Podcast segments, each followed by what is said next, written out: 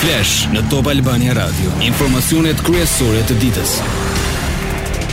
Po ndiqni përmbledhjen e orës 16:00 unë jam Anibame. Zgjedhjet e 14 majit rrëzohet kërkesa e Berishës për regjistrimin e Selisë Blu me emrin e tij si kryetar. Komisioni Qendror i Zgjedhjeve njohu PD-në me drejtues Lulzim Bashën se sipas ligjit ende figuron kryetar, kryekomisioneri Ilirjan Celibashi. Unë mund ta pranoj që në perceptimin tim zoti Sali Berisha është kryetari i Partisë Demokratike, por kjo nuk ndryshon absolutisht asgjë në përputhje me ligjin. Mendoj që të drejtën për të kërkuar regjistrimin e Partisë Demokratike si subjekt zgjedhor për zgjedhjet e katërmbëdhjetë maj dy mijë e njëzet e tre, bazuar në dokumentet zyrtare të cilat i janë vënë në dispozicion Komisionit Qendror të Zgjedhjeve, E ka zoti Lulzim Basha. Ai figuron kryetar i Partisë Demokratike në pikëpamje të ligjit. Por Celibashi i dha dyzet e tetë orë kohë PD-së për të plotësuar dokumentacionin. Do t'ju jap dyzet e tetë orë kohë për t'i bërë plotësimet e kërkuara, domosdoshmërisht për. deklaratën e kryetarit të partisë. Gazmend Bardhi kundërshton vendimin e KQZ-së për plotësim dokumentesh. PD ka dorëzuar dokumentacionin e plotë ligjor për regjistrim, deklaratat e sotme politike të KQZ-së nuk kanë asnjë lidhje me ligjin, por janë formalizim i një vullneti politik ekstraligjor. Nuk do ketë asnjë plotësim dokumentacioni sa kohë ai është dorëzuar i plotë, shkruan Bardhi. Në fund të muajit pritet zyrtarizimi i kandidatëve socialistë për zgjedhjet e katërmbëdhjetë majit, e bëri të ditur kryeministri Rama pas mbledhjes së kryesisë së PS-së. Jemi në hapat e fundit të përgatitjeve për zgjedhjet. Në fund të muajit bëhet regjistrimi i kandidatëve, i listave për këshilltarët dhe nga ana tjetër, përtej këtij aspekti është edhe aspekti programatik i fushatës, specifikat e zonave të ndryshme.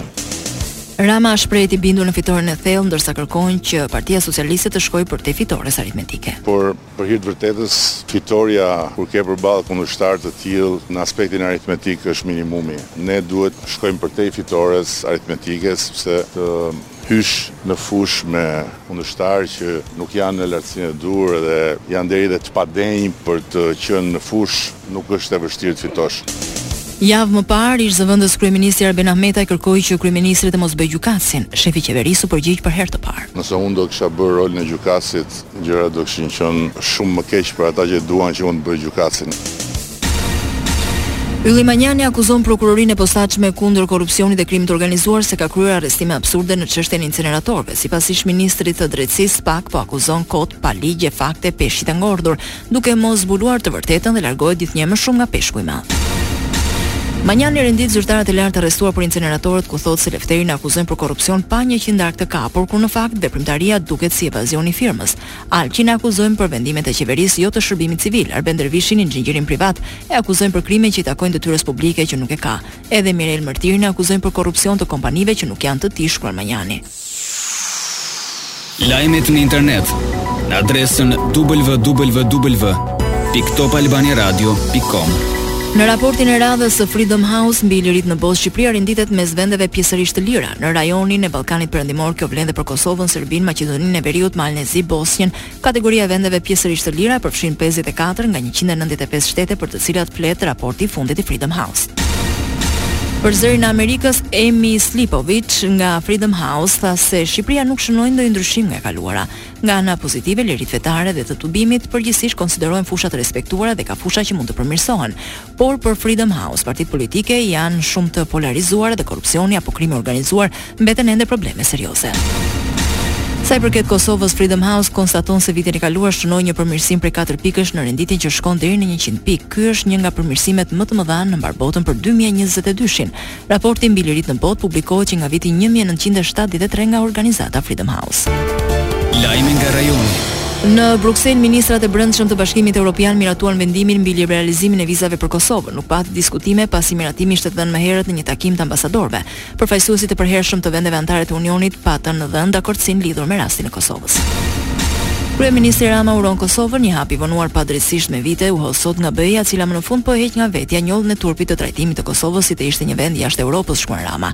Data e nisjes të liberalizimit të vizave pritet të jetë tërësisht funksional sistemi i ETIAS, por jo më vonë se një janari dy mijë e njëzet e katër. Lista Serbe nuk do marrë pjesë në zgjedhjet e jashtëzakonshme të njëzet e tre prillit në katër komuna në veri të Kosovës, pasi nuk u përmbushën kërkesat. Kryetarët e komunave dhanë dorëheqjen nëntorin e kaluar në kuadër të largimit masiv nga institucionet në shenjë kundërshtimi për targat. Çështja u zgjidh, por tani kërkojnë krijimin e Asociacionit të Komunave Serbe. Me takimin me presidentin Osmani, përfaqësuesi i BE-së për dialogun Lajçak nisi vizitën dyditore në Prishtinë. Para bisedimeve me zyrtarin evropian, kryeministri Kurti theksoi se kanë pritshmëri për të vijuar përgatitjet lidhur me takimin e tetëmbëdhjetë marsit me presidentin Vuçiq në Ohër, Ai pret plan të mirëfilltë zbatues. Lajme nga bota. Breshëri raketash ruse ndaj infrastrukturës energjetike të Ukrainës të paktën 6 viktima në rajonet Lviv dhe Dnipropetrovsk. Për orë të tëra sirenat e sulmeve ajrore u dëgjuan në të gjithë vendin, përfshirë kryeqytetin Kiev. Sistemet e mbrojtjes u aktivizuan në mbarë Ukrainën dhe nuk është e qartë se sa raketa arritën objektivat. Pas protestave, qeveria e Gjeorgjisë tërheq nga parlamenti projektligjin për kufizimin e mundshëm të lirisë së medias dhe shoqërisë civile. Si arsye, Partia Ëndrra Gjeorgjiane dhe aleatët përmendën ndarjet në shoqëri. Drafti kërkonte që mediat dhe organizatat joqeveritare që marrin mbi 20% të financimit të tyre nga burimet e jashtme të regjistrohen si agjentë të ndikimit të huaj. Parashikimi i motit. Edhe në vijim vendi ynë do ndikohet nga kushte atmosferike të paqëndrueshme, moti mbetet me alternime vranësirash mesatare deri në të dendura, temperaturat luhaten nga 0 në 22 gradë Celsius.